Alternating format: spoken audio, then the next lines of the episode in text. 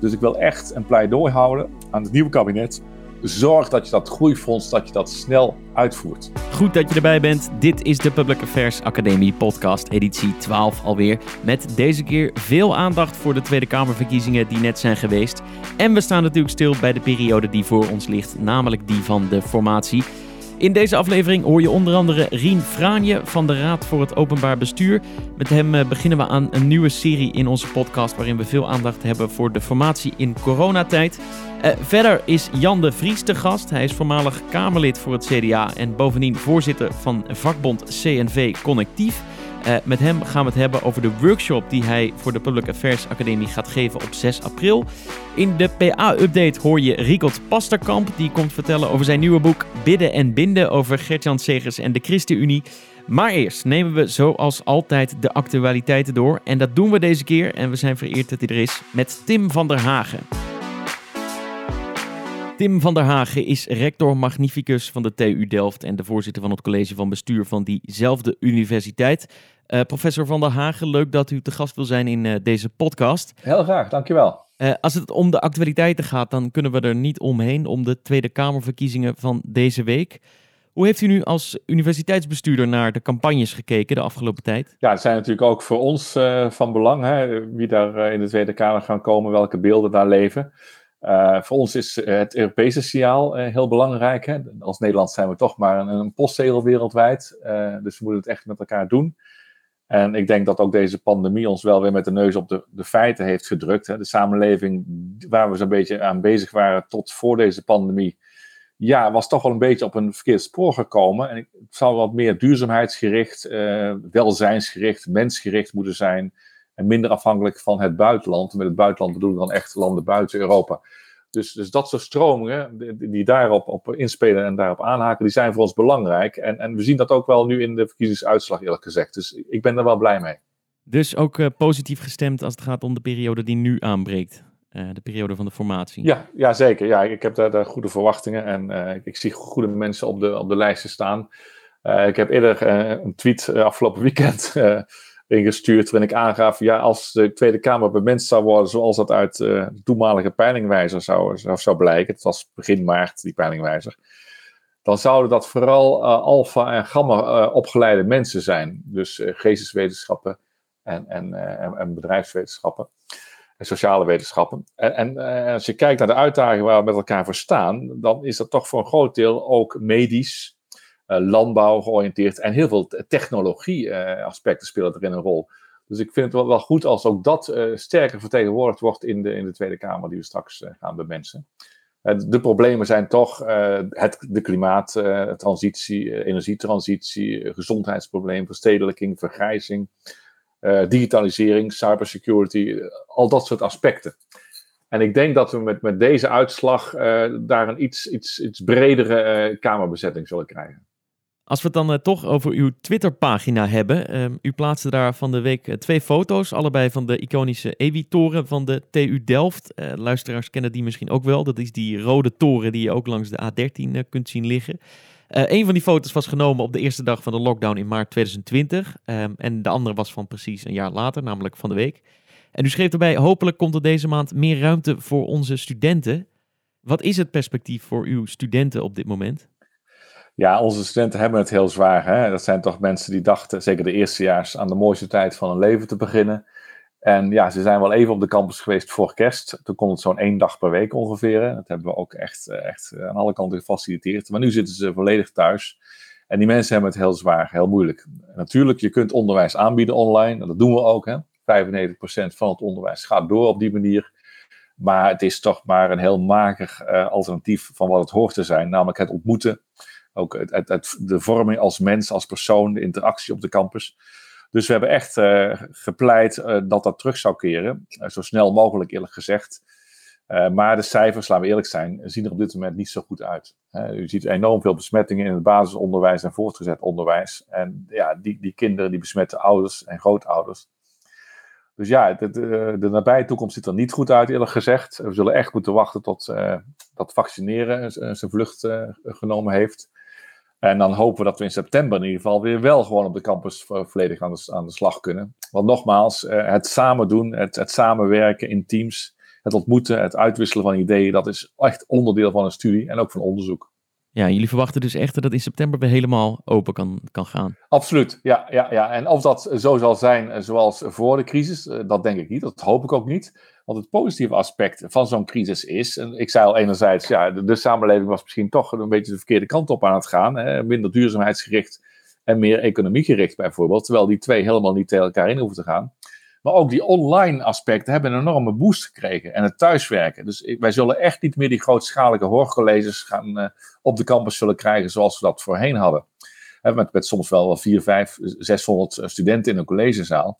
Ik denk dat dat hybride gaat worden.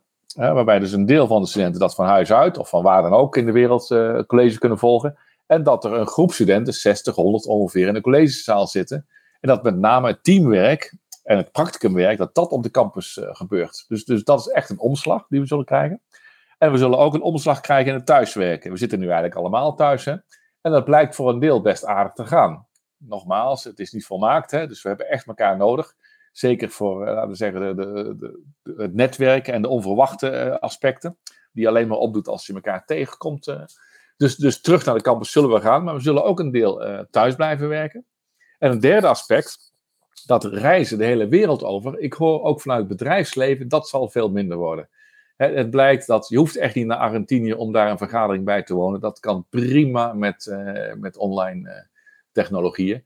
Dus dat zullen we veel minder gaan doen. Ook conferenties bezoeken, dan zul je toch meer online conferenties krijgen, dan ik eerlijk gezegd. En dat is alleen maar goed. Dus er zitten ook echt positieve kanten aan deze pandemie. Ja, en dit gaat dan vooral over het werk op de universiteit. En u noemt inderdaad ook het, het bedrijfsleven. Maar als we even kijken naar de maatschappij in zijn geheel. Um, hoe kijkt u als rector van een, van een universiteit die veel bezig is met technologie, met toekomstbestendigheid, hoe kijkt u dan naar de, nou ja, u noemt dat zelf dan de nou ja, wat positievere aspecten van uh, die pandemie waar we nu uh, in zitten? Ja, ik denk, uh, ja, wat, wat de hele samenleving, daar zijn toch wel wat aspecten. Uh, werkdruk is misschien wel, wel, wel het meest pregnante voor ons. dat we met z'n allen bij de universiteiten, maar breder dan dat, het enorm druk was, het enorm hectisch was een enorme redrace aan het worden was. Terwijl nu blijkt, jongens, als je stoel achteruit zet en je hebt wat meer aandacht voor de mens en voor je gezin bijvoorbeeld, dat, dat is enorm positief en dat is goed voor ons allemaal. Dat is de ene kant. En de andere kant, als je kijkt hoe wij omgingen met onze uh, planeet, nou, we hadden het natuurlijk voortdurend over het klimaatprobleem, maar er spelen veel meer dingen dan dat. De hele verstedelijking, de manier waarop wij eh, de waterhuishouding en, en de, de woningbouw deden bijvoorbeeld, dat, dat was niet integraal genoeg, die aanpak. We zullen op een andere manier moeten kijken naar uh, de planeet die we hebben en hoe we daar bijvoorbeeld landbouw, recreatie, waterhuishouding, woningbouw, industrie enzovoort, hoe we, dat gaan, hoe we die uh, een plaats laten nemen. Dus je, je ziet ineens, je moet dat echt integraal en holistisch aanpakken. En, en, en daar, daar zijn we echt uh, eventjes met, als door een vergrootglas heeft de pandemie ons daarop gewezen. Jullie hebben deze maand ook een aantal plannen aangekondigd om de wereld en om Nederland voor te bereiden op die uh, nou ja, post-COVID samenleving, zou je het, uh, zou je het kunnen noemen. Ja. Kun, kunt u daar eens wat meer over vertellen? Ja, ja, ja, ja. er zijn een, een aantal dingen, een aantal ontwikkelingen bij onze universiteit van de afgelopen jaren. Eén ehm, is dat uh, wij gemerkt hebben, als je de uh, grote maatschappelijke problemen wilt aanpakken, die ik net schetste, hè, dus klimaat, energietransitie, gezondheidszorg enzovoort, dan is technologie noodzakelijk, zeker, maar volstaat niet. Daar heb je ook echt de sociale wetenschappen en de geesteswetenschappen bij nodig.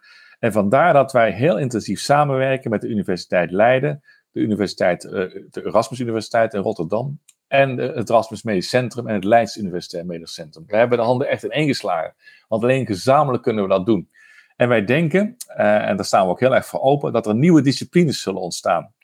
Omdat de, de klassieke disciplines niet volstaan. Een voorbeeld, bijvoorbeeld, uh, een voorbeeld is klinische geneeskunde. Eigenlijk een combinatie van werktuigbouwkunde en geneeskunde.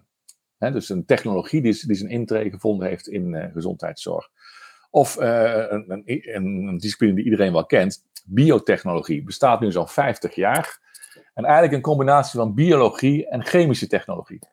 En zo hebben wij in Delft uh, nanobiologie, een combinatie van biologie en natuurkunde. En wat eraan zit te komen is fintech. De, de hele finance-wereld die zal echt voor een groot deel zijn innovatie krijgen uit technologieontwikkelingen. Denk aan blockchain, denk aan kunstmatige intelligentie enzovoort. Dus er zijn heel veel nieuwe disciplines die zullen ontstaan. Dat is de ene beweging. Dus uh, eigenlijk uh, denken over de, de zuilen heen van alfa, beta, gamma, medisch en technisch. Ja, en voor studenten zou dat dan bijvoorbeeld betekenen dat ze uh, niet alleen tot arts worden opgeleid, maar ook tot ingenieur of, of iets anders relevants voor die geneeskunde. Ook. Ja, dat, dat verwacht ik. Ja, dat, in Milaan is dat al mogelijk. Hè? Daar word je dus in een zesjarige opleiding word je en arts en ingenieur. En ingenieur, dat is dan vooral de data, eh, robotica, eh, kunstmatige intelligentiekant. Dus die hele digitaliseringskant, die zit daar vooral in. Maar tegelijkertijd word je arts. Nou, of dat zover gaat, eh, ik denk het eerlijk gezegd wel, nu nog niet, maar dat, dat faciliteren wij in elk geval. De andere, andere route, uh, wat wij gemerkt hebben, waar we echt heel erg mee bezig zijn, is dat we onze academische campus aan het transformeren zijn uh, tot een innovatie-ecosysteem. Waar vroeger innovatie als een keten ging, en je had wetenschappers die kwamen met slimme dingen. Daar werd door, door de TNO's onder ons werd daar de, toepassing bij bedacht. En dan kwam er een pilot en dan een bedrijf pakte het op enzovoort. Dat gaat niet meer zo. Dat doen we nu gelijktijdig en gezamenlijk. Op onze campus hebben we nu 245 bedrijven. We hebben twee hogescholen en we hebben TNO. En met elkaar pakken wij uh, die innovatie op. Het mooiste voorbeeld vind ik altijd eigenlijk uh, de quantum computer en het quantum internet waar we mee bezig zijn. Samen met Microsoft, Intel en, uh, en TNO. En dat, dat is eigenlijk een, ja, een hele fundamentele theorie natuurlijk, hè, de kwantummechanica. En op basis daarvan, een theorie die we eigenlijk niet eens heel goed begrijpen, maar die we alleen kunnen accepteren. En op basis daarvan maken we nieuwe materialen. Met die nieuwe materialen proberen we een computer te maken, die veel sneller rekent dan de huidige computers. Hè. Maar daar is nieuwe wiskunde voor nodig en nieuwe software. En uiteindelijk moeten daar dus applicaties op gaan draaien. Nou, in, traditioneel zou je dat stap voor stap doen, zoals ik al net zei. Nu gebeurt dat gelijktijdig. Op dit moment zijn er al start-ups bezig na te denken over applicaties die gaan draaien op een platform, dus software die nog niet bestaat, gebaseerd op wiskunde die nog ontwikkeld moet worden. Die uh, moet draaien op een apparaat dat nog niet bestaat, van materialen die nog ontwikkeld moeten worden, op basis van een theorie die we nog niet helemaal begrijpen. Dat is de nieuwe manier van innovatie. Dus echt co-creatie en co-locatie op dezelfde plek. Uh, en we zijn er best ver in al, maar we zullen nog doorgroeien naar meer dan 300 bedrijven, eerlijk gezegd. En we zullen ook de verbinding moeten maken van onze campus, ons innovatiesysteem, met de andere. Met Leiden, Leiden Bioscience Park, uh, met Den Haag uh, en met Rotterdam. En die hele regio, die heeft nu de handen neergeslagen. Er zijn zo'n 80 spelers in de regio Zuid-Holland, die gezamenlijk een regionale groeiagenda opgesteld hebben waarin wij zeggen, wij kunnen alleen uh, stappen voorwaarts maken en het welzijn vergroten, ook ten dienste van Nederland, als we dat samen doen. En dan moeten we eerlijk in zijn, dat heeft Zuid-Holland de afgelopen jaren niet goed gedaan. Want de groei, de economische groei in Zuid-Holland bleef achter bij die van in, de rest van Nederland. En men denkt vaak wel, nou ja, Zuid-Holland, dat zal daar wel goed voor elkaar zijn. Dat bleek dus niet zo te zijn. Die motor, die, die, de motor van Nederland misschien wel, die haperde echt wel. Dus dan zullen we dingen beter moeten doen uh, integraler, uh, dus meer gezamenlijk. En ook het Rijk heeft daar denk ik wel een rol te spelen. Uh, namelijk, het moet wel leefbaar blijven allemaal. Hè? Je kunt, kunt, niet zomaar meer bedrijven starten in die regio. Maar ondertussen moeten mensen van huis naar werk kunnen. En er moet ook voldoende ruimte zijn voor, voor recreatie en voor groen enzovoort. Helder. Um, wat gaat u de komende weken nog in de gaten houden op het gebied van de actualiteiten van het nieuws? Ja, nou heel belangrijk voor ons is het groeifonds. En Europa, zei ik al, is belangrijk voor ons. Ook de middelen die we uit Europa halen, daar zijn we heel succesvol in overigens als Nederland. Hè. Alle, Nederlandse universiteiten doen dat heel goed. Dus, dus dat zijn de kaderprogramma's. Hè. Nu staat uh, Horizon Europe voor de deur. Dus dat is belangrijk dat we echt gebruik blijven maken van Europa. Aan de andere kant toch even benadrukken dat groeifonds. Dat hebben we nodig als Nederland om via innovatie beter uit deze crisis te komen dan we, dan we voorheen uh, dat deden. En dat kan echt. We kunnen echt daar als een soort springplank kunnen we stappen voorwaarts maken. Dus ik wil echt een pleidooi houden aan het nieuwe kabinet. Zorg dat je dat groeifonds, dat je dat snel uitvoert. En we hebben daar de kansen voor als Nederland.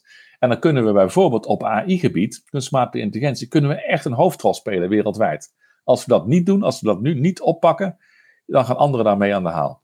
Tim van der Hagen, voorzitter van het college van bestuur en rector magnificus van de TU Delft. Veel dank dat u uw kijk op de actualiteiten en het nieuws met ons wilde delen vandaag. Heel graag gedaan. Dankjewel. In de afgelopen drie afleveringen van deze podcast kon je luisteren naar de serie Campagne in coronatijd. Daarin spraken we met wetenschappers, ervaringsdeskundigen en experts over de bijzondere verkiezingscampagne waar we toen nog middenin zaten. Inmiddels zijn de verkiezingen voorbij, de uitslag is zo goed als bekend. En daarmee breekt een nieuwe periode aan, namelijk de periode van de formatie. We gaan het erover hebben met Rien Fraanje, secretaris-directeur van de Raad voor het Openbaar Bestuur. Rien Fraanje, welkom uh, in onze podcast. Misschien toch uh, om te beginnen even voor de luisteraars die de ROB niet zo goed kennen. Wat, uh, wat doet de Raad voor het Openbaar Bestuur precies? De Raad voor het Openbaar Bestuur is adviesorgaan. Een van de zeven, acht strategische adviescolleges die in Den Haag bestaan. Wij adviseren regering en parlement. Gevraagd, maar ook op eigen initiatief, over het functioneren van het openbaar bestuur en de democratie en de rechtsstaat. Um, dus wij krijgen af en toe adviesvragen van het kabinet of van de Tweede Kamer. En soms eh, bedenken wij zelf dat het onderwerp zo belangrijk is. Uh, dat het uh, heel goed zou zijn om daar eens even goed over na te denken en daar een advies over uit te brengen. Zie je ons een beetje als een, uh, als een soort denktank op het gebied van democratie en openbaar bestuur. En, en wat betekent dat voor de manier waarop jullie naar verkiezingen kijken en naar de formatie kijken? Um, wij kijken niet naar de verkiezingen in de vorm van nou, dat we een bepaalde voorkeur voor een uitslag hebben. Wij zijn wat dat betreft uh, zelfstandig, onafhankelijk, niet partijgebonden. Kijk, we kijken gewoon wel met een grote interesse naar het verkiezingsproces. Uh, wij kijken sowieso in de brede zin naar het functioneren van een democratie. Um, en hoe je burgers zo goed mogelijk bij de democratie kunt betrekken. Het is hun democratie. Dus wij kijken dan altijd naar zaken als functioneren politieke partijen nog goed? Zijn ze goed representatief voor eh, de samenleving, straks ook de samenstelling van de Kamer. Komen daar genoeg alle geluiden en alle eh, achtergronden die onze samenleving heeft eh, daarin terug? En vanuit een formatie kijken we ook vooral naar het proces van een formatie. Want ook dat vinden we interessant. ook vooral omdat we daar zelf over eerder geadviseerd hebben. Over hoe dat proces van een formatie goed, misschien zelfs beter zou kunnen verlopen. Ja, want um, dat proces van coalitievorming, dat is dus aan, aan verandering onderhevig. Eh, kan je ons eens meenemen? Wat zien we daar nou veranderen eh, de afgelopen decennia, maar ook vooral de afgelopen tien jaar? Nou, ik denk dat de grootste verandering natuurlijk is dat de, de rol van het staatshoofd verdwenen is. Ja, dus de partijen hebben, ik weet niet uit mijn hoofd niet precies wanneer dat is geweest, maar uh, een aantal verkiezingen geleden gezegd van nee, wij, kunnen dit proces zelf wel, daar hebben we het staatshoofd niet, uh, niet voor nodig. En dat zag je ook meteen gisteren, daar waar voor, voorheen na de verkiezingen er een, altijd een ronde van twee dagen kwam waarbij alle gekozen partijen, hun fractievoorzitters, langs het paleis gingen. Hadden ze nu gisteren een overleg gezamenlijk op uitnodiging van de Kamervoorzitter. En hebben ze ook meteen spijkers met koppen geslagen om, en, en, twee verkenners aangewe aangewezen. waardoor ze meteen aan de slag kunnen. Ja, en uh, Kajsa Ollongren en Annemarie Jortsma zijn nu dus aangewezen als verkenners. Mm -hmm. Um, als we dan even kijken naar dat proces, de, de, um, het, nou ja, de rol van het staatshoofd is er dus tussenuit gehaald. Wat is nou de invloed van die keuze of van die verandering op die formatie? Nou, het is vooral denk ik dat, het, uh, dat de formatie daarmee wat uh, transparanter en inzichtelijker is geworden. Uh, er zijn best momenten in de parlementaire geschiedenis van Nederland bekend. Eh, dat we natuurlijk een hele optocht zagen bij het paleis, waarbij de meeste fractievoorzitters ook altijd wel transparant zijn over het advies dat ze hebben gegeven.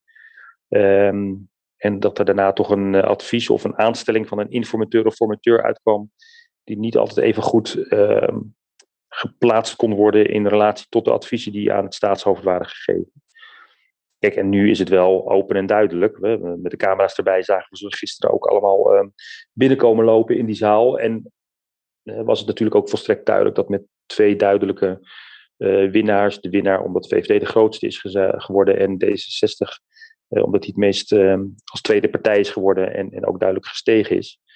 nou ja, dat die nu aan zet zijn en dat het ook logisch is dat er twee verkenners zijn Kijk, uh, ook als het staatshoofd hoofd nu betrokken zou zijn geweest, kan ik me ook voorstellen dat die twee eruit zouden zijn gekomen. Maar toch, het is nu helemaal duidelijk uh, wat er gebeurt, waarom en uh, door wie en hoe dat zo gekomen is. Dus dat is wel een, een belangrijke verschil. Um, nou ja, dat kun je positief en dat kun je negatief duiden. Je zou kunnen zeggen, formeren en onderhandelen. en dat zul je straks ook gaan zien, heeft af en toe ook de, de vertrouwelijkheid nodig om met elkaar uit te komen. Als partijen gaan onderhandelen, uh, kan dat, is het veel makkelijker om tot resultaat te komen als dat allemaal niet in de volle openbaarheid gebeurt. Dus op enig moment zul je straks ook wel weer gaan zien dat als er drie of vier of vijf partijen zijn die zeggen we gaan het met elkaar proberen, dat dan de, de deuren zich ook weer sluiten. Voor nu is in ieder geval helder wat er gebeurt, waarom het gebeurt en ehm, wanneer wat gebeurt. Uh, vier jaar geleden werden die deuren op een gegeven moment ook gesloten. En Zeker. die bleven ook uh, lang gesloten. Ja. Uh, want het was de langste, langste formatie in Nederland ooit. Hoe hebben jullie als ROB destijds gekeken naar de formatie die gaande was en hoe dat proces vorderde? Ik vind altijd wel ter nuancering dat die formatie lang heeft geduurd, is dat die natuurlijk in tweeën is geweest. Hè. Er zijn eerst zijn een aantal partijen hebben een poging gedaan, die poging is mislukt, dan begin je opnieuw. Dus het is altijd, vind ik het altijd niet helemaal eerlijk om te zeggen dat de formatie van dit kabinet een half jaar in tijd heeft uh, geduurd. Of de, uh, zo lang heeft, een half jaar heeft geduurd. Maar wat, natuurlijk eerder aan de hand was, is dat een eerdere poging met een andere partij uh, mislukte. En dat dus pas in een later stadium de partijen die nu demissionair zijn en het demissionair kabinet hebben gevormd, um, die het huidige kabinet hebben gevormd dat nu demissionair is, zo moet ik het zeggen. Uh, ja, dat die natuurlijk veel later begonnen zijn met de onderhandelingen. Um, maar goed, al met al uh, heeft het toen uh, ruim een half jaar geduurd. Wij hadden toen vlak voordat, voor die formatie, voor de Tweede Kamerverkiezing van 2017, al een beetje zien aankomen dat het een heel moeizaam proces zou kunnen worden. En ehm, wij keken er vooral naar met van hoe zou je dat nou anders kunnen doen. En we hebben daar eerder wel wat over gezegd en geschreven, maar zijn toen met een advies gekomen. Probeer nou eens niet met elkaar in zo'n onderhandelingsproces het hele regeerakkoord uh, af te maken en dicht te timmeren. Zodat als je uiteindelijk met witte rook naar buiten komt, zegt van ja, dit is het nu, uh, de 100 pagina's. En dit gaan we de komende vier jaar doen. Uh, wij hebben geadviseerd, kom nou met het regeerakkoord als een soort startdocument, waarin je agendeert van wat vinden wij belangrijk, waar willen we de komende vier jaar mee aan de slag. Zonder dat je mis, misschien al helemaal tot in detail uitwerkt hoe je bepaalde maatschappelijke problemen, hoe je bepaalde opgaven helemaal gaat, gaat oplossen. Um, geef daarbij ook eens wat ruimte aan de Kamer bijvoorbeeld. En geef bijvoorbeeld ook ruimte aan zowel de coalitiepartijen als de oppositiepartijen om in dat proces nog iets in te brengen. Wat je nu ziet is dat die, die regeerakkoorden gewoon helemaal dichtgetimmerd zijn. En dat op een aantal pijnlijke of lastige, moeilijke thema's um, die partijen er helemaal met elkaar uit willen komen en helemaal willen dichtmetselen. Zo gaan we het doen. Ja, dan is er weinig ruimte meer voor de oppositie. Dan is er weinig ruimte meer voor de uh, fracties, regeringsfracties in de Tweede Kamer om ook eigen accenten te leggen. En daarmee uh, wordt ook, zet je eigenlijk de Kamer buitenspel. Um, dus wij keken daar kritisch naar dat proces. En hoe langer het duurde, uh, dat proces uh, vier jaar geleden, hoe vaker wij ook gevraagd werden commentaar te leveren op dat uh, proces. Omdat wij in januari, twee, jaar, twee maanden voor de verkiezingen van maart 2017, nu juist hadden geadviseerd, gaat het eens een keer anders doen. Ja, de problemen die vier jaar geleden speelden op dit gebied, namelijk toch een, een hoge mate van versnippering, uh, et cetera, ja, die, die zijn er eigenlijk nog steeds. Dus dan is de vraag, ja, gaat het deze keer dan misschien toch anders, anders gebeuren? Nou, dat, dat is spannend. Ik denk wel dat er een aantal redenen is dat maakt dat dit nu wel een heel goed moment is om met een regeerakkoord als startdocument te gaan werken. Kijk, misschien één stap terug. De reden waarom we dat adviseerden heeft niet alleen te maken met de positie van het parlement. Het heeft wel een hele belangrijke reden. Je kan nu achteraf ook bekijken over hoe bij de kinderopvangtoeslagaffaire, uh, dat ook daar de rol van het parlement en van compromissen en coalitieoverleg zo belangrijk is geworden dat het heel lastig is voor de Kamer om beleid aan te passen en om, om dingen uh, anders te doen, omdat het allemaal al zo uitonderhandeld is.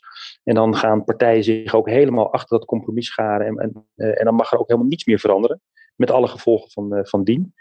dus je wilt juist ook kritische massa en, en tegenspraak organiseren, maar dat is niet de enige reden. De tweede reden waarom we in de tijd hebben geadviseerd om het regeerakkoord als een startdocument veel meer te zien en te gebruiken, is dat zo'n dichtgetimmerd regeerakkoord uitgaat van de fictie dat de komende vier jaar helemaal niets meer aan de maatschappelijke en politieke realiteit verandert. Je gaat er eigenlijk vanuit, uh, op het moment dat wij die onderhandelingen uh, sluiten uh, en we zijn akkoord met elkaar, we hebben een compromis, en dan alsof de werkelijkheid en de realiteit in die vier jaar niets meer verandert. En de realiteit is juist net een tegenovergestelde, dat de samenleving zo complex is geworden dat het eigenlijk heel lastig is om te voorspellen over hoe de wereld er over vier jaar uitziet. En die ruimte moet je dus ook inbouwen in je regeerakkoord.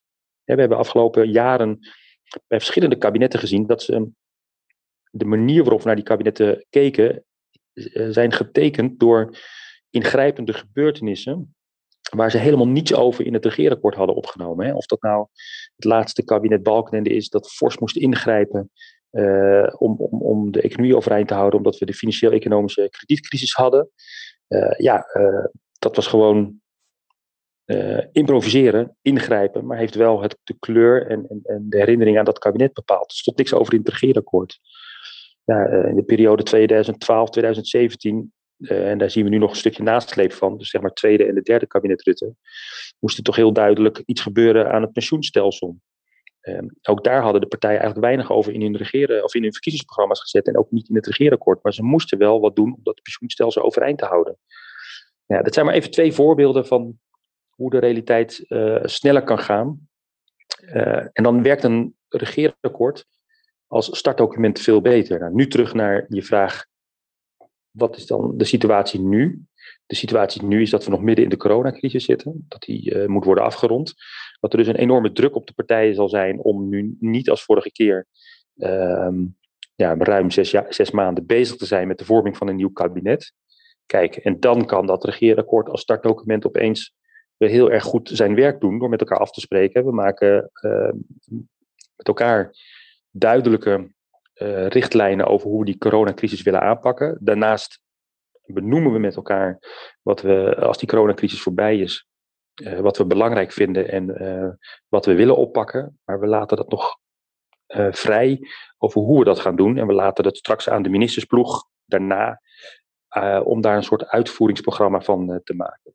Dus ja, ik zou zeggen, als er ooit een moment was, dan, was het, dan is het nu wel. Ja, en nu hebben we uh, Rutte horen zeggen van um, we moeten eigenlijk in twee delen gaan formeren. Dus eerst gaan we een, een nationaal herstelplan uh, ontwikkelen om uit de coronacrisis te komen. En dan gaan we daarna nou ja, nog een keer om tafel uh, om echt te gaan formeren. Hoe kijk jij daarnaar? Nou ja, ik leg dat een beetje uit als in de lijn van de gedachte van zo'n regeerakkoord startdocument. waarbij je toch ook eigenlijk zegt ja, dat het nu heel raar zou zijn om drie maanden te gaan onderhandelen over ik noem maar wat, de woningmarkt, het sociale zekerheidsstelsel, ontslagrecht. Uh, als je eerst um, nog helemaal niet weet over hoe je uit de huidige crisis gaat komen. Um, kortom, maak dan nu snel afspraken over wat er moet gebeuren om die coronacrisis te beëindigen. Maak nu snel afspraken over wat je daarna in ieder geval belangrijke thema's vindt om met elkaar te gaan oppakken. Maar ga niet twee, drie maanden, terwijl de coronacrisis volop duurt, um, nu al uh, tot in detail uitwerken zoals jij vindt dat straks, zo, hoe je de, de woningmarkt weer in beweging wilt krijgen. Um, ja, en dan uh, tot slot, en zonder het dus uh, dicht te timmeren, um, maar jullie, uh, nou ja, regeer, of, jullie adviseren het parlement en de regering gevraagd en ongevraagd op, op, op thema's rondom het openbaar bestuur. Dus dat is veel breder dan verkiezingen en coalitievorming alleen. Wat zijn nou voor, voor de ROB thema's die de komende tijd echt meegenomen moeten worden? Nou, wat het regeerakkoord volgens ons in ieder geval zou als startdocument zou moeten agenderen, Um, nou, ik laat drie voorbeelden geven. Ik denk dat het heel belangrijk is dat een nieuw kabinet aan de slag gaat met de moeizame verhoudingen tussen de Rijksoverheid en de decentrale overheden. Waterschappen, gemeenten, provincies, maar vooral de relatie tussen gemeente en Rijk zijn heel erg uh, moeilijk. Gemeenten hebben te kampen met grote financiële tekorten. Nou, dat betekent niet dat er per se uh, ontzettend veel geld bij uh, moet. Niet in de, dat is niet het allerbelangrijkste, maar vooral dat er echt iets scheef zit. Van het Rijk heeft de afgelopen jaren veel taken aan gemeenten gegeven daar niet voldoende geld bij gegeven, maar ook niet gemeenten voldoende de kans gegeven en voldoende beleidsvrijheid gegeven om die taken goed uit te voeren. De irritatie daar onderling is groot uh, en dat moet echt worden opgelost. Dus dat zou het eerste thema zijn. Het tweede thema is um, de, nou, uh, er is een soort, uh, wat ik noem, sluipende regionalisering gaande. Steeds meer taken worden in Nederland belegd op een regionaal niveau. Dan moeten gemeenten gaan samenwerken met elkaar. Um, dat is niet democratisch. Gemeenteraden kunnen niet goed een uh, zicht krijgen op hoe regionale samenwerkingsverbanden bepaalde taken uitvoeren en hoe dat uitpakt voor uh, hun gemeente. Dat moeten we echt anders gaan, gaan organiseren. Dus ook dat vind ik echt een heel belangrijk thema voor de komende jaren om te pakken. En de laatste thema wat ik zou suggereren om uh, op die agenda van dat startdocument mee te nemen, is de digitalisering en hoe de overheden omgaan met um, data. Um, digitalisering en dataverzameling een enorme kans voor overheden om beter te gaan besturen. Tegelijkertijd hebben we onder andere ook met de kinderopvangtoeslagaffaire gezien dat het wel heel erg duidelijke spelregels vraagt over hoe je met data omgaat. Ehm, en die, uh, die moeten maar eens gemaakt gaan worden. De overheid en de politiek moeten echt goed gaan nadenken wat de digitalisering van de samenleving, uh, maar zowel ook van bedrijven, hoe de bedrijven met die informatie omgaan. Uh, wat dat voor ons allemaal betekent en hoe we ervoor kunnen zorgen dat we de regie weer terugnemen en hoe mensen, burgers zelf ook weer eigenaar worden van de gegevens die over hen worden verzameld. Nou, zomaar even drie voorbeelden van thema's die wij als Raad van het Openbaar Bestuur heel erg belangrijk vinden. Rien Fraanje, secretaris-directeur van de Raad voor het Openbaar Bestuur. Veel dank voor dit gesprek. Graag gedaan, was leuk. Straks in de PA-update hoor je Riekold Pasterkamp. Hij is de schrijver van het boek Bidden en Binden over uh, Gertjan Segers en de ChristenUnie. Uh, met hem gaan we het natuurlijk hebben over zijn boek, maar bekijken ook even terug op de verkiezingsuitslag die voor de ChristenUnie toch ja, een beetje tegenviel. In ieder geval bleef de zetelwinst uit. Nou, en de vraag is nu, gaan ze de regering weer in? Nou, daar hebben we het over met Riekold Pasterkamp. Eerst bellen we even met toponderhandelaar Jan de Vries. Jan de Vries is nu nog voorzitter van CNV Connectief en was eerder Kamerlid voor het CDA en directeur van twee brancheorganisaties in de zorg. Uh, vanaf volgende maand is hij de nieuwe burgemeester van Sliedrecht, ook voor het CDA. En uh, op 6 april uh, geeft hij bij de Public Affairs Academie de workshop De kunst van het polderen en onderhandelen. vandaag blikken we daar al even op vooruit. Jan, goed dat je er bent. Ja, zeker. Goedemorgen. ja, om toch even mee te beginnen. Het was voor het CDA geen fijne verkiezingsuitslag. Hoe heb jij, hoe heb jij daarna gekeken? Ja, de uitslag is voor het CDA voor mijzelf ook wel heel erg teleurstellend. En en dat uh, baart ook wel zorgen, want uh, ik vind juist dat het geluid van het CDA ook uh, ja, een brede draagvlak verdient. en het is goed om opnieuw te kijken van wat betekent dit, wat hebben we daarvan geleerd als partij. Dus ik, ja, ik wens ook vooral mijn, mijn opvolgers daarin ook heel veel wijsheid, wijsheid toe. En tegelijkertijd is het natuurlijk wel spannend, want deze uitslag niet alleen voor het CDA, maar de totale uitslag ook betekent juist ook ja, ook voor het maatschappelijk middenveld. Voor, voor partijen als het CNV, waar ik nu werkzaam ben. En andere maatschappelijke organisaties. Of zij met een nieuw kabinet, wat nog gevormd moet worden, ook straks goede zaken kunnen doen. Nog heel even terug naar jouw tijd als, als Kamerlid, van 2002 tot 2010 dus. Ja, hoe was het om als Kamerlid nou ja, betrokken te zijn bij die formatieperiode? Want het waren natuurlijk de jaren van, van de kabinetten Balkenende. Ja, kijk, dat is, eh, sowieso is dat eh, iedere keer opnieuw een spannende periode. Omdat nou, de onderhandelingen die daarover plaatsvinden, is, het zijn heel bepalend voor het geheel van de periode. Het bijzondere in die tijd was dat ik vertegenwoordiger was namens, namens het CDA. En ook onderhandelaar namens het CDA. En dat je dat deed als grootste partij in de coalitie. dus daarmee ook, ben je ook bepalend, meer bepalend voor de agenda van een nieuw kabinet. En tegelijkertijd is het de uitdaging om daar een breed draagvlak voor te creëren. Niet alleen binnen de coalitie, maar ook na te denken over hoe je een brede draagvlak in de, in de Kamer, in het parlement, in de Eerste Kamer, maar ook in de samenleving kunt creëren. Nou, dat is een hele mooie uitdaging. Dus enerzijds richting geven, tegelijkertijd ook nog wel ruimte laten voor het politieke debat in die komende jaren. Nou, dat, is over, dat laatste is overigens niet altijd gelukt. Soms zijn die regeerakkoorden veel te veel dicht geregeld geweest. Ja, later ben je natuurlijk op een andere manier de polder ingegaan. Uh, zoals in je hoedanigheid uh, als, als voorzitter van CNV Connectief, wat je nu nog steeds bent. Ja, kun je ons eens meenemen naar die polder? Wat is nou de essentie van dat polderen? Ja, dat is eigenlijk ook een, ja, eigenlijk wel een mysterie, uh, het polderen. Hè? Dus dat, dat is de, die polder is eigenlijk ook iets abstracts. en het is eigenlijk ook heel moeilijk tastbaar en vast te grijpen. Maar eigenlijk is, er is het een soort virtuele wereld, een virtuele gemeenschap zou je kunnen zeggen, van, van politiek, ambtelijk apparaat en maatschappelijke organisaties die elkaar nodig hebben, die elkaar uh, regelmatig spreken. En ja, voor elkaar van waarde kunnen zijn in het ontwikkelen van beleid en het, en, het ontwikkelen, van, de van beleid en wet en regelgeving. Ja, waarbij relaties ertoe doen, maar zeker ook van belang is de kennis en de kunde en de expertise en de ervaringen die je deelt. Uh, en er is ook een wederzijdse afhankelijkheid tussen de politiek en de maatschappelijke organisaties. En dat beseft ook iedereen. En het beseft dat er verschillende verantwoordelijkheden zijn, maar tegelijkertijd heb je elkaar heel hard nodig. En wat is voor jou nou persoonlijk de belangrijkste les die je hebt geleerd in de polder? Nou, ik denk dat de grootste les is dat het meer is dan relaties opbouwen. Dat het in de kern uiteindelijk gaat over wat je inhoudelijk toe kunt voegen. En hoe je anderen, hoe je van waarde kunt zijn, hoe je het verhaal van wat er speelt op de werkvloer, van wat uh, burgers, cliënten, patiënten, leerlingen, leraren bezighoudt, hoe je dat goed voor het voetlicht kunt brengen. En daarmee ook politici en ambtenaren kunt helpen in het formuleren van beleid en wet en regelgeving. En daar, daar ligt de kern. Dus er wordt altijd heel erg gedacht dat het uiteindelijk gaat om het netwerken en de, goede relaties. Maar het meeste bereik je in het polderen op het moment dat je ook een goed verhaal hebt te, kunnen, hebt te vertellen. Op, uh, op 6 april dan geef je dus een uh, workshop over de kunst van het onderhandelen en het uh, polderen. ja, mensen die daar naartoe komen, wat kunnen die verwachten?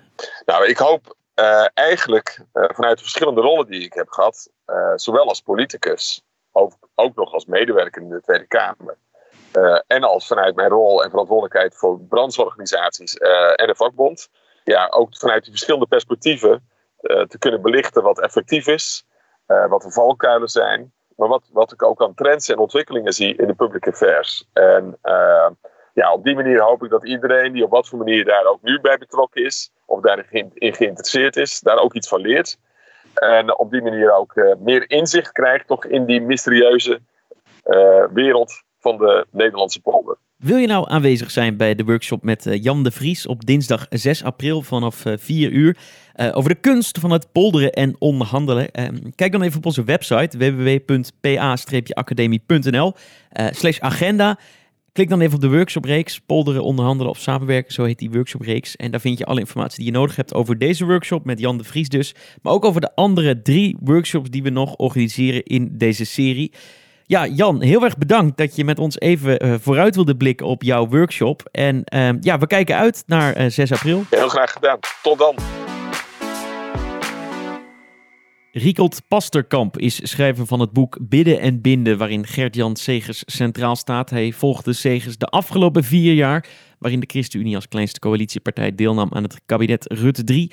Riekold, eh, leuk dat je te gast wil zijn in eh, onze podcast om te vertellen over jouw boek.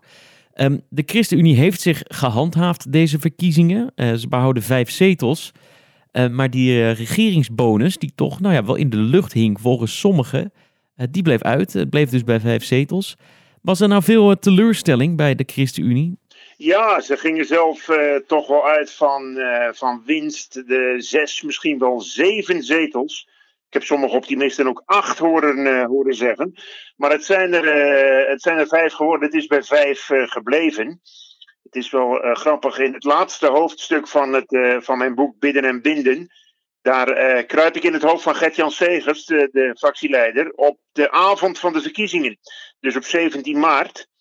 En ja, dan laat ik hem nadenken over hoe de uitslag uit zou kunnen pakken. En hij richt zich op zeven zetels, maar wat als de uitslag vanavond anders is, als het bij vijf blijft, net als de vorige keer, of eentje winst, zes. Nou, en ehm, ja, het zijn er uiteindelijk vijf geworden. En ik denk dat ze daar uh, ja, voorzichtig blij mee zijn. Uh, maar dat ze op meer gerekend hadden. Ja, want ze stonden zelfs in sommige exit polls op vier op een gegeven moment, hè? Ja, de exit poll die kort na het sluiten van de stembussen uitkwam, die was vier. Ja, toen zag je toch wel een behoorlijke teleurstelling bij, bij de ChristenUnie. Want daar had echt niemand op gerekend dat ze terug zouden, uh, zouden gaan in, uh, in zetelaantal. En er werd ook onmiddellijk gezegd van ja, de, de, de, de, dus de, de briefstemmen moeten nog komen en vanaf het platteland moet er nog van alles komen. Dus dat zal in de loop van de avond wel veranderen. dat gebeurde ook, want ze staan nu op, op vijf zetels. Als het over de ChristenUnie ging de afgelopen uh, tijd, dan ging het vooral over die meloenen die doorgeslikt moesten worden. Hè? Dus die concessies die tegen de partijlijn of tegen de principes uh, ingedaan uh, moesten worden. Ik, ik denk aan de dividendbelasting. ik denk ook aan de vluchtelingenkinderen in, in Moria. we zouden ook kunnen zeggen, nou ja, dat is in ieder geval vergeven dan door de kiezer. Ja, dat, zo zou je het ook aan kunnen vliegen, zeg maar. Dat je uh, als je de, inderdaad de dingen op een rijtje zet die ze hebben moeten slikken. Ehm, ja, dan, dan valt het in die zin nog mee dat ze nu vijf zetels over hebben. de ChristenUnie heeft volgens mij een, een, een, een, een, een vaste achterban. Dus een traditionele achterban. Mensen die altijd op de ChristenUnie zullen blijven stemmen.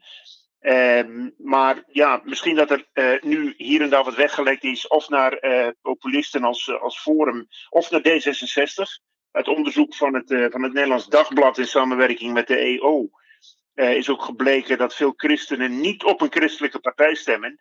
en bij de verkiezingen ehm, ja, ook kijken naar standpunten van andere partijen en daar hun keus door laten bepalen. Ja, tot zover dan even de verkiezingsuitslag.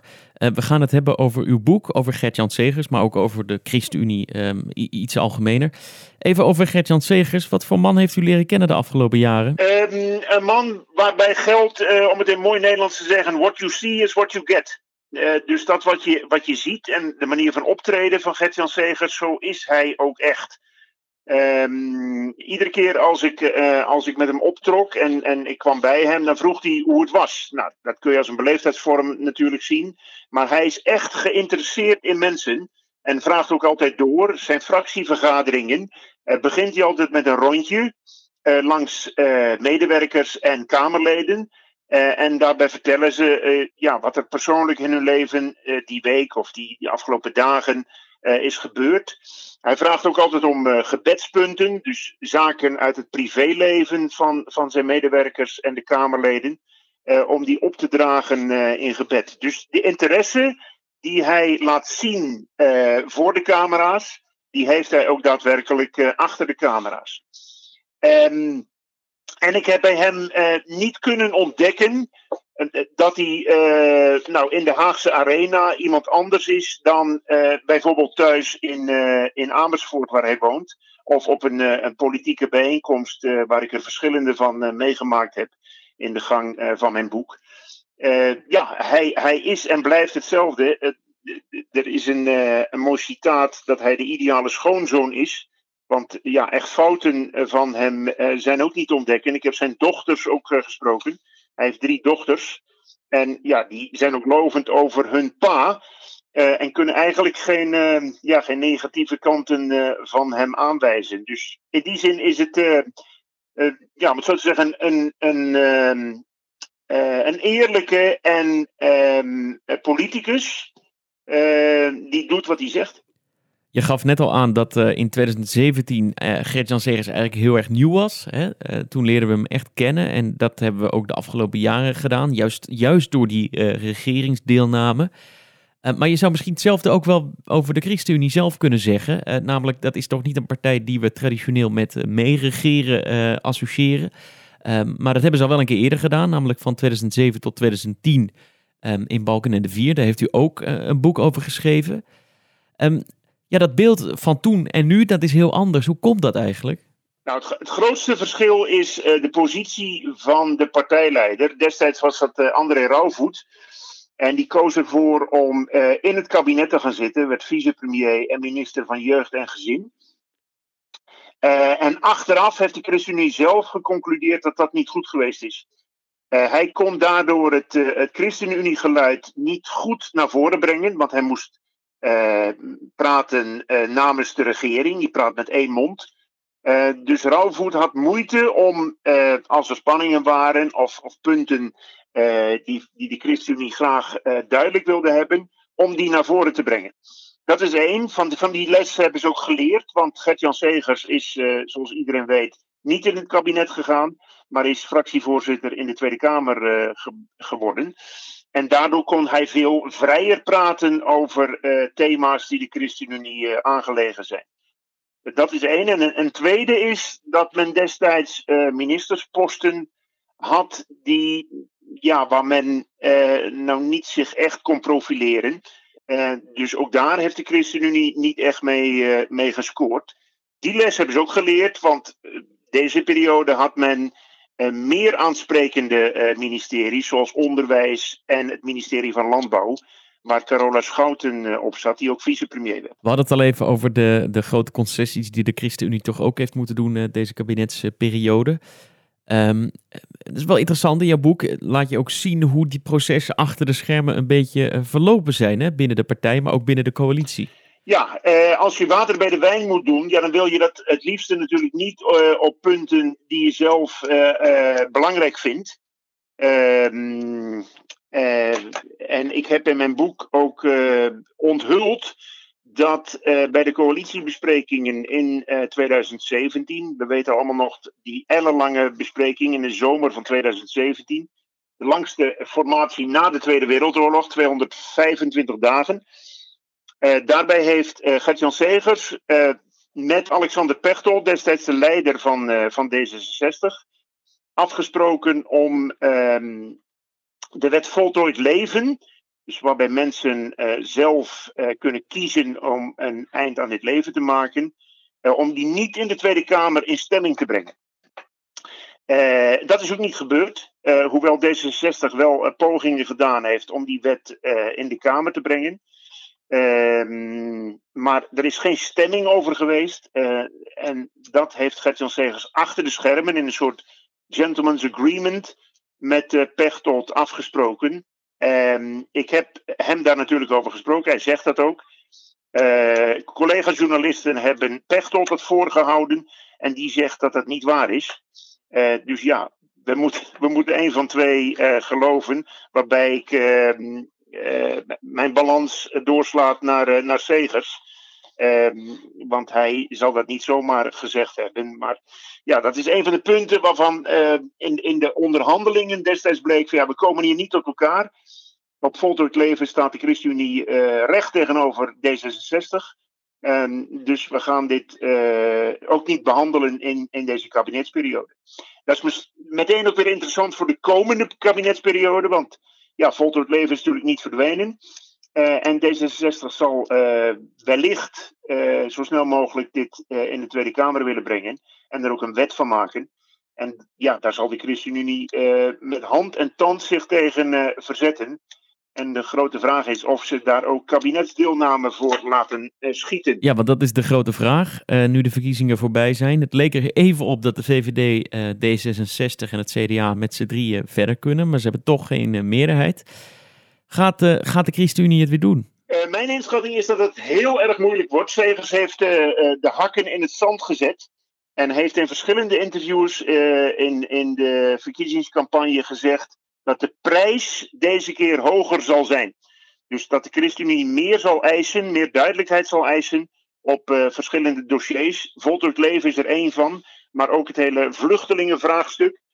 Uh, uh, je noemde net zelf al de kwestie Moria, het, het vluchtelingenkamp op, op Lesbos, waarbij ja, met een soort handjeklap, eerst van 500, toen naar 200, toen naar 100, toen naar 50 en uiteindelijk zijn er maar 10 kinderen geloof ik naar Nederland gekomen.